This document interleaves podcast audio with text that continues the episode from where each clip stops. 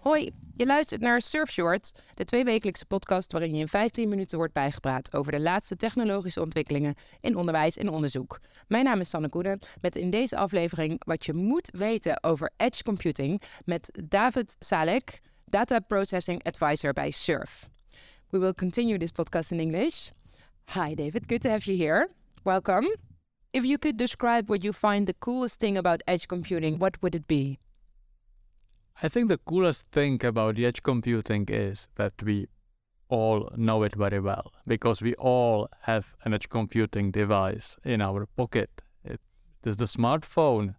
And why is it an edge device? Because edge is always an edge of something. And uh, the phones are connected.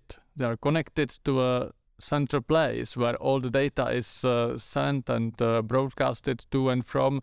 So that's the central cloud location, which has many edges, which are all the phones people have in their pockets. Okay, cool. So we all have an edge computer in our pocket. Um, uh, it's just a small computer that we carry with us, but we already are carrying this with us for 15, maybe even 20 years. Um, how is this a technology now that is uh, uh, important to develop? That's the funny thing about it because Edge is not really a new technology. It's like going in circles uh, because uh, people go from local compute to the cloud and now they are back at local compute. And there are two reasons to that. One is, of course, the privacy aspect because uh, there are certain parts of data you don't want to leave your local environment. And uh, uh, the other argument is, of course, uh, the speed of uh, data transfer, because uh, nowadays we are processing so much data that it's no longer feasible to uh, shift everything back and forth between the local device and the cloud for processing. It will essentially slow down, and especially when we have applications that need to react immediately to what you are doing or where you really expect the answer to be available at this point in time, for example, autonomous cars, you need to have uh, local uh, processing capabilities. And uh, one thing we have to realize is that uh, iPhone is something that we buy as a ready made product. So we don't really have uh, much control of what is happening inside. But of course, if you are a researcher, you want to be in the full control, or you even need to be in the full control because you want to develop a new thing. And if it's a research, it's really a new thing. So you want to do things that nobody has done before. And for this, you need some kind of an experimentation platform, something that gives you the power to do what you need. And I think this journey started maybe something like 10, 15 years ago. And you have great uh, education devices like uh, Arduinos or Raspberry Pis.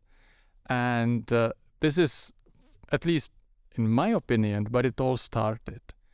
Because Raspberry Pi started uh, as a simple computer uh, for the purposes of uh, computer science education.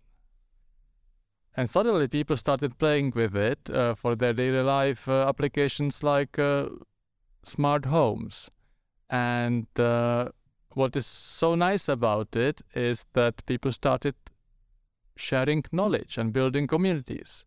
And then, if you have these very affordable devices, if you have these uh, very affordable ideas because they come from the communities, you can really start building new things where essentially the sky is the limit because it's just you know the imagination that you have uh, to actually go and build something. And this is the same story uh, about uh, arduinos. Again it's uh, open sourcing hardware open sourcing software but also open sourcing imagination which is actually uh, how the talk of the co-founder of uh, arduino uh, on is talk. It's open sourcing imagination. And uh, that's really what this is all about. So, this is an aspect of all these, uh, I would say, entry level educational platforms that ready made products like smartphones don't have because you can't really develop what you need. Whereas with these uh, uh, simple computers, you can. And that's why it's such a big game changer nowadays because uh, you can start cheap, you can uh, prototype, and if it's a good idea, if it solves uh, a problem, then you can turn it into a product. This is why it's such a big disrupt- disruptor in terms of, uh, let's say, medical devices, uh, in terms of uh, uh, applications in smart cities, smart homes. So Raspberry Pis and um, Arduinos are also examples of edge computing. Definitely. Uh, it's a subclass of edge computing. They belong to Internet of Things. And uh, edge computing, of course, can be also something completely different. It can be a very complex uh, and powerful edge computing clusters, many computers that are processing your large data sets locally, but still connected to the cloud. Whereas Internet of Things uh, are very simple devices, but they have also their own challenges because there is so many of them and they are not so powerful, so they have limitations. This leads to challenges in terms of uh, security and uh, vulnerability. This actually leads to challenge of you know how do you solve things? What can you do with uh, devices that are not so powerful? Okay. Um, normally, my next question is about what users can gain from this technology, um, but we already see many applications of which we can gain, and Internet of Things is um, uh, showing us all the applications that are there already. Uh, but maybe in this case, it's also uh, good to ask why this technology is so essential in these data-driven times. It is a really essential development here because uh, when you are connecting multiple devices uh, to a central cloud location, you need to be able to do it in a reliable and secure way. And since this is no longer only a simple connection between uh, a limited number of uh, computers where you can uh, configure everything manually and watch everything uh, manually, you need new tooling that can handle all the security aspects and connectivity aspects in a scalable way. And this is what's new about edge computing, being able to manage massive uh, data sets uh, spread all over the place, uh, being able to manage a uh, massive number of devices uh, in a controlled and secure, reliable way. And how is edge computing doing that? One thing we have to take into account is that we are no longer uh, talking about uh, processing everything in one place.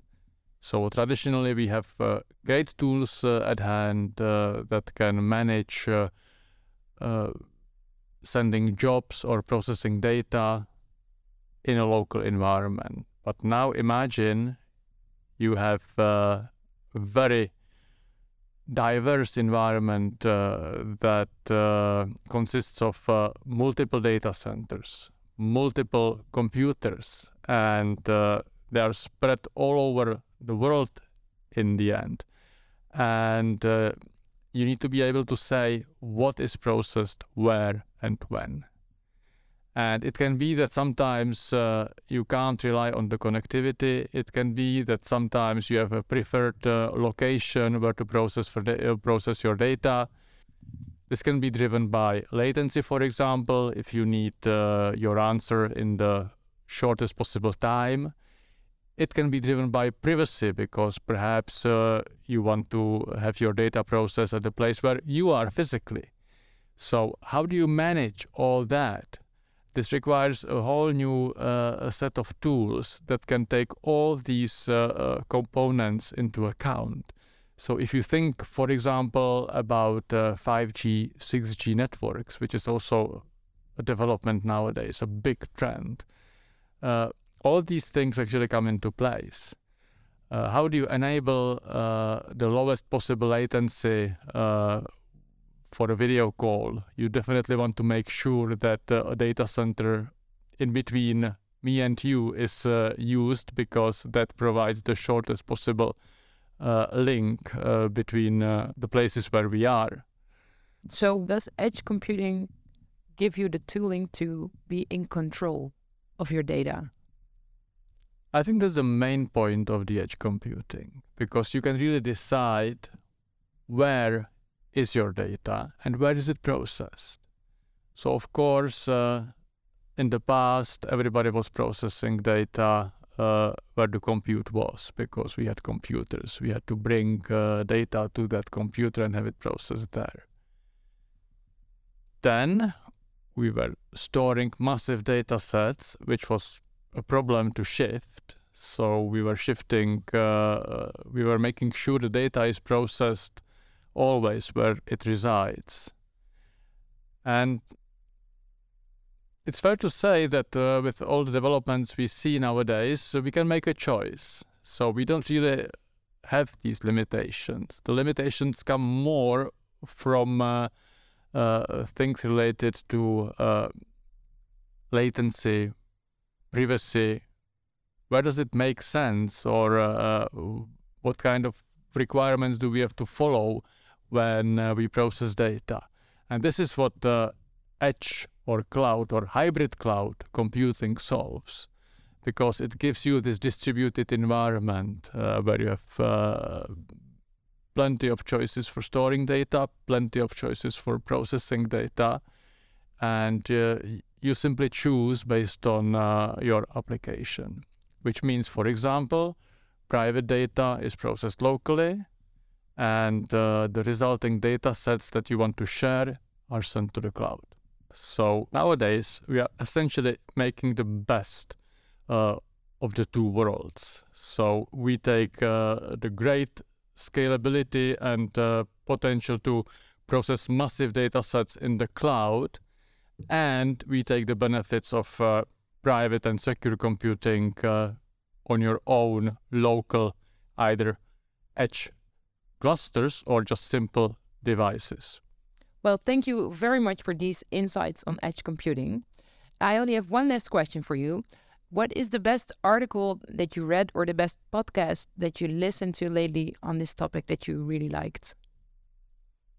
I think I can mention one of the uh, TED Talks I watched uh, recently.